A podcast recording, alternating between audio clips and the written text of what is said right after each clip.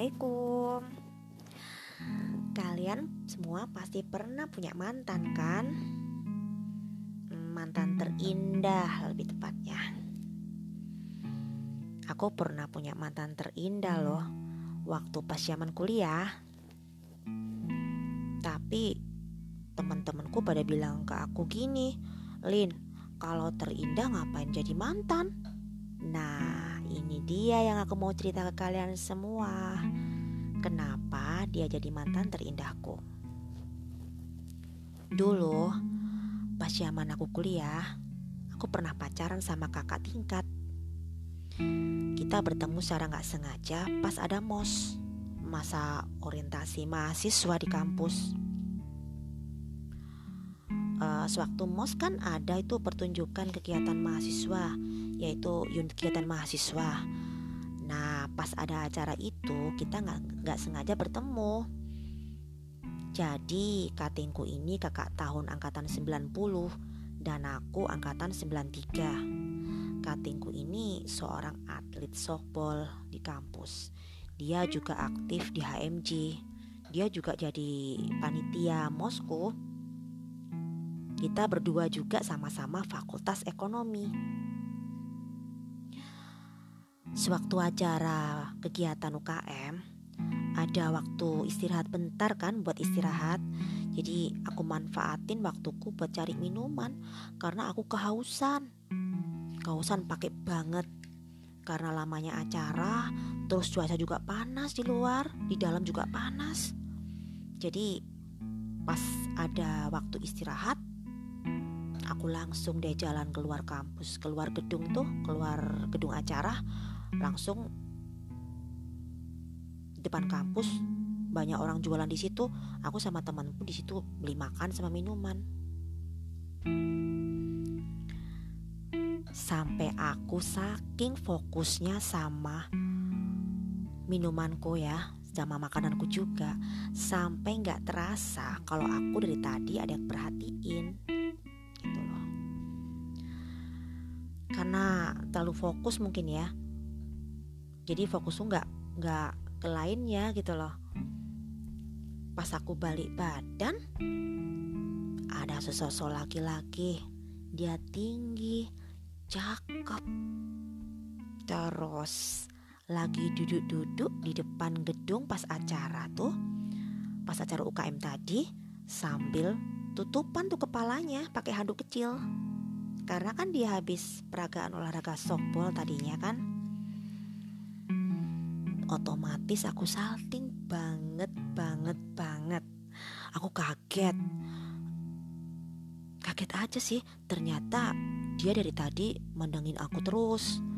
Sesekali dia senyum sama aku. Spontan aku balas deh senyuman dia. Jujur dalam hati aku bilang gini Ya Allah, cowok ini cakep banget. Hmm, andai aja dia jadi pacarku, pasti bahagia. Aku bilang gitu dalam hati. Setelah istirahat selesai, aku masuk lagi ke dalam dengan perasaan campur aduk. Gimana gak campur aduk ya? Karena ini cowok masih aja madengin aku. Sampai aku masuk ke ruangan pun masih aja mandangin terus.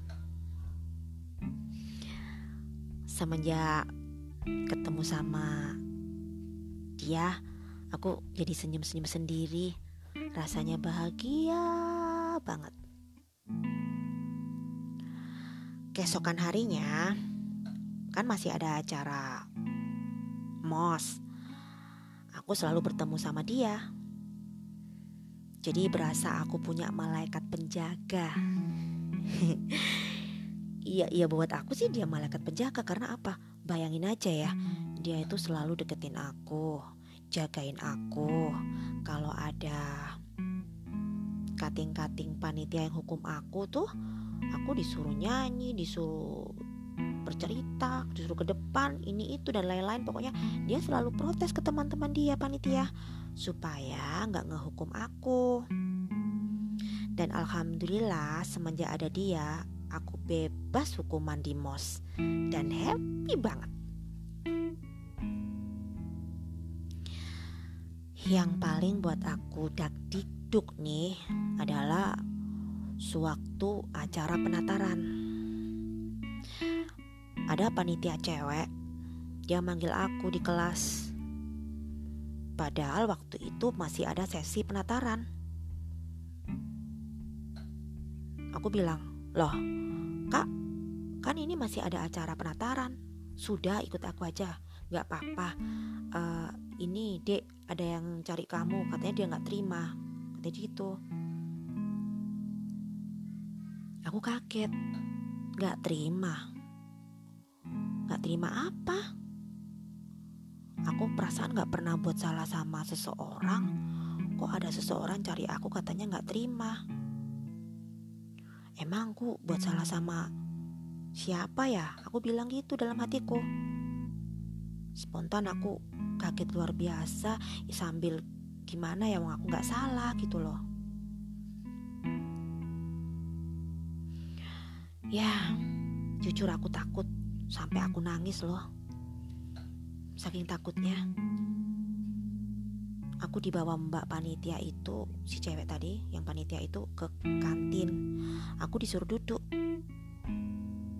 Sambil nunggu seseorang yang katanya gak terima tadi sambil aku duduk ketakutan aku nangis. Karena aku takut kok tiba-tiba ada cowok uh, apa ya orang yang gak terima sama aku terus pingin ketemu aku lah aku ini salah apa Eh, nggak taunya tiba-tiba nongol tuh cowok. Yang katingku itu, yang atlet itu, dia ngampirin aku. Terus dekat, dekat, dia nyapa sama aku. Hai Lin, loh kok dia tahu namaku? Aku kan kaget. Tapi aku masih tidak masih ini ya masih abis nangis. Jadi aku malu gitu loh. Spontan dia pegang tanganku. Ya Allah tanganku dipegang dan bilang bilang gini sudah jangan nangis. Udah besar kok nangis. Yang nggak tak terima sama kamu tuh aku yang pingin ketemu kamu bukan orang lain dia bilang gitu sama aku, maaf ya. Langsung aku berhenti nangis dengan spontan. Dan kaget juga sih, tapi bahagia juga pastinya, happy. Dia minta maaf ke aku. Ternyata yang gak terima tadi itu si mas tadi, cowok tadi. Gitu. Ya modus sih kalau jam uh, apa ya zaman anak sekarang ini namanya modus gitu ya. Dia minta maaf ke aku. Dia sengaja ngelakuin itu semua karena kepingin ketemu sama aku dan mau pamit ke Jogja. Ada acara katanya. Dia juga nanya aku mau nitip apa Lin? Ya sambil aku malu-malu aku bilang aja Aku gak nitip apa-apa kok mas. Aku cuma nitip supaya mas hati-hati aja di jalan. Jaga diri baik-baik. Waduh. Dia kelihatan berbinar-binar gitu ya. Dan kayaknya sih seneng, happy juga gitu Sama kayak aku. Singkat cerita, setelah acara MOS dan penataran mahasiswa selesai, ceritanya di dia masih deketin aku. Dia juga intens main ke rumahku. Kita juga suka keluar berdua. Dan dia suka jemput aku kuliah. Padahal nih kita berdua belum jadian gitu. Ibarat kata masih PDKT kali ya. Yap, PDKT lebih tepatnya.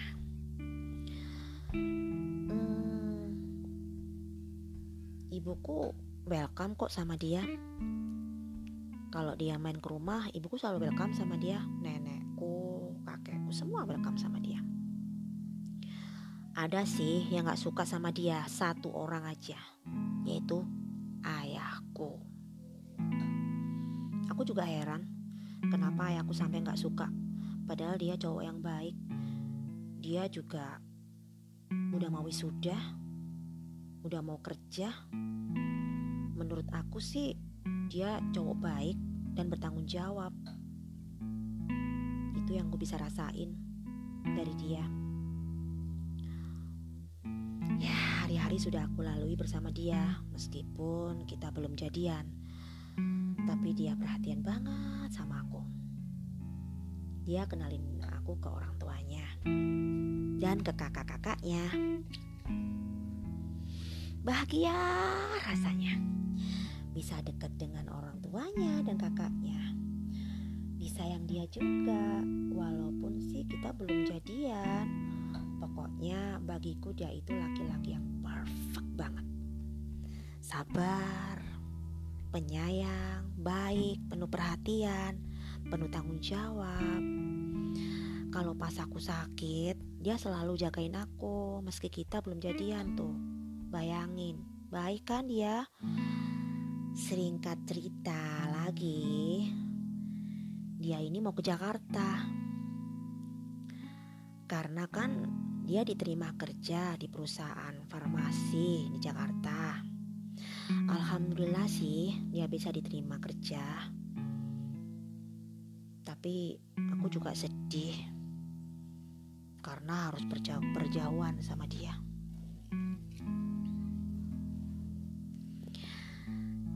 Dan kesedihanku berganti jadi bahagia lagi nih. Alhamdulillah dia diwisuda dengan nilai yang baik dan jadi wisudawan terbaik di kampus. Lulusan terbaik pula. Diwisuda dan diterima kerja. Bahagia banget dan bangga aku sama dia.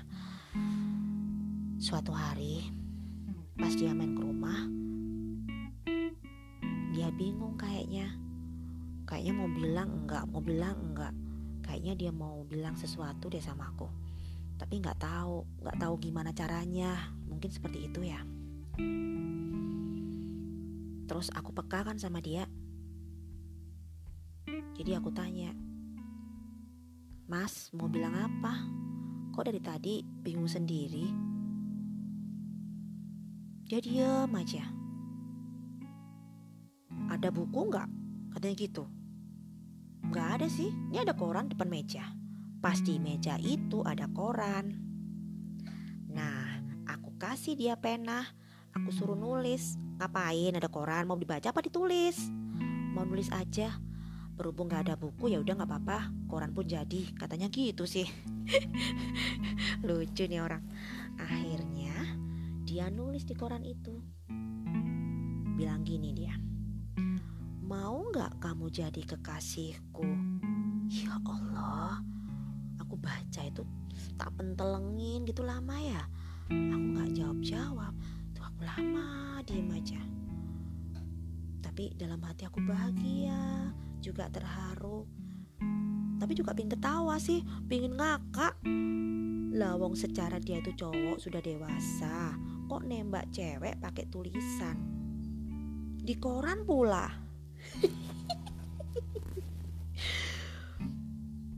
Pastinya kalian semua udah tahu jawabannya kan? Jawabanku apa ayo? Jawabanku benar mengiyahkan karena dia laki-laki yang baik buat aku dan aku sayang banget sama dia. Alhamdulillah kita berdua jadian dan alhamdulillah juga dia bisa diterima kerja di Jakarta. Meskipun aku sangat sedih karena kita berdua harus LDRan. Aku tuh paling gak suka loh LDRan, gak tahu kenapa. Bawaannya curiga terus gitu ya. Tapi ya bismillah kita jalani berdua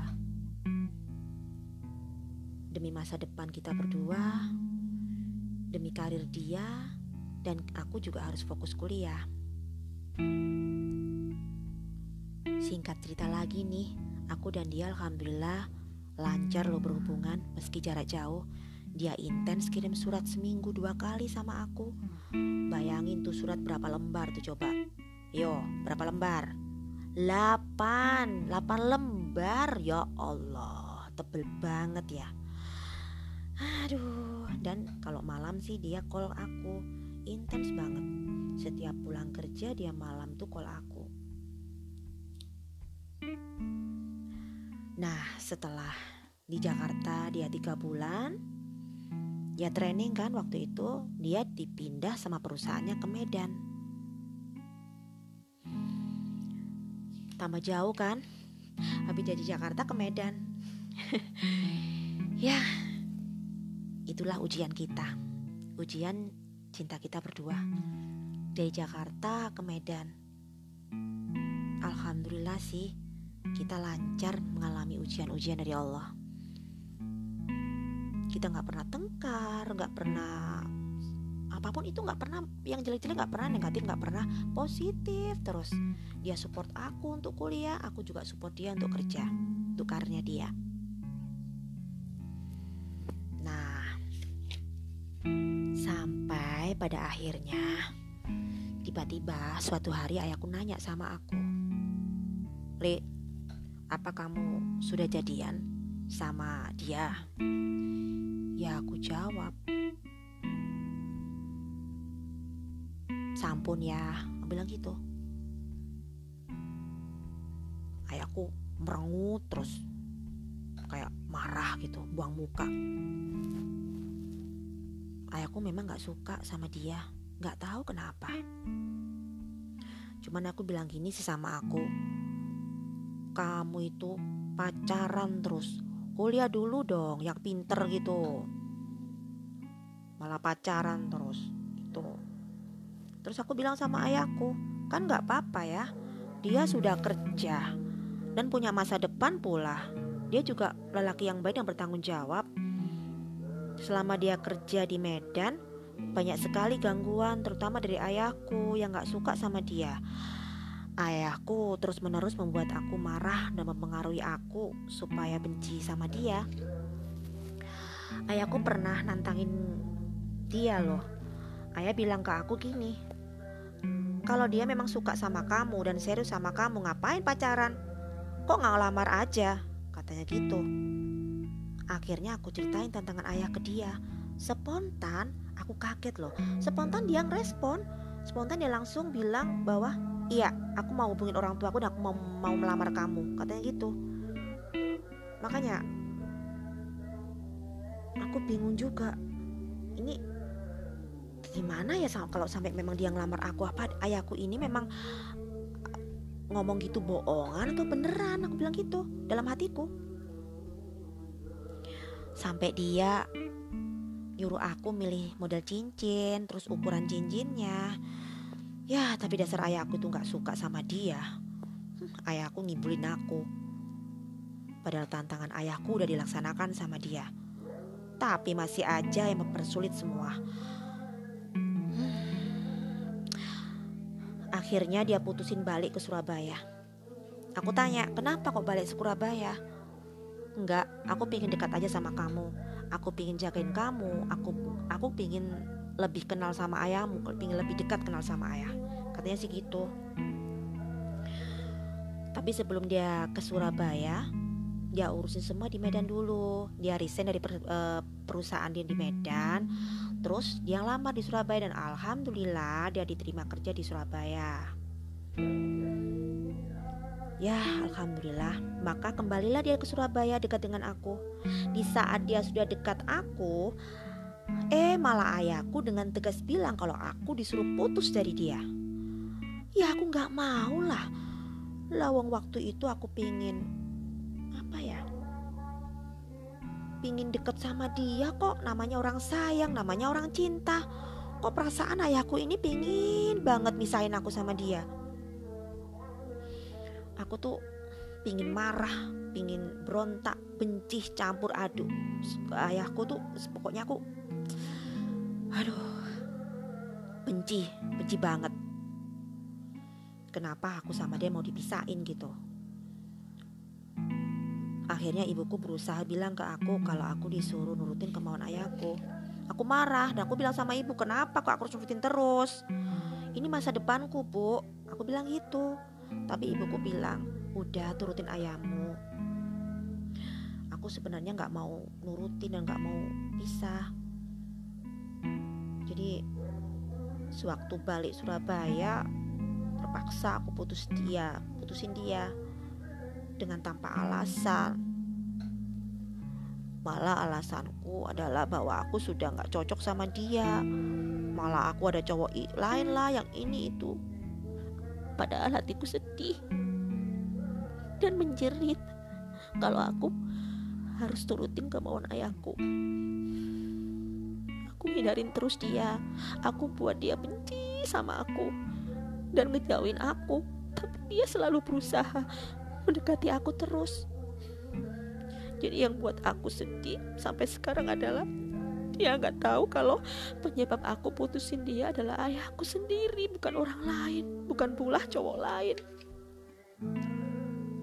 Akhirnya kita jalan sendiri-sendiri. Meski, meski kita berdua masih saling cinta dan sayang. Bagiku dia mantan terindahku. Karena sampai detik ini Aku masih sayang sama dia. Kangen sama dia. Kenapa terindah? Karena hubungan kita indah. Maaf guys. Aku lagi baper terbawa suasana Kenapa terindah? Karena hubungan kita itu indah. Gak ada pertengkaran, gak ada saling curiga, dan kita pas putus masih saling sayang.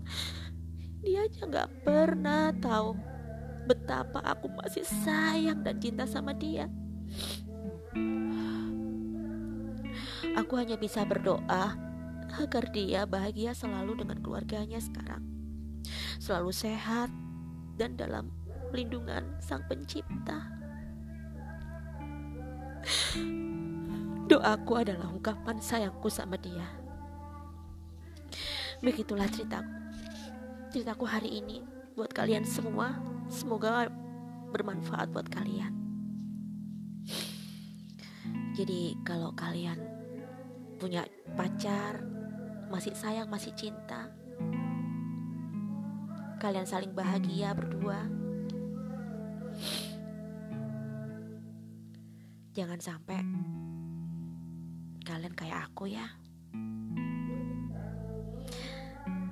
Maaf ya guys. Aku lagi baper karena sampai detik ini aku masih sayang dan kangen sama dia. Cuman hanya doa aja yang aku ucapkan.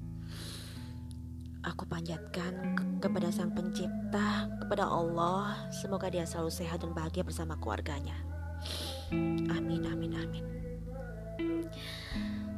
Udahan dulu ya guys. Assalamualaikum warahmatullahi wabarakatuh.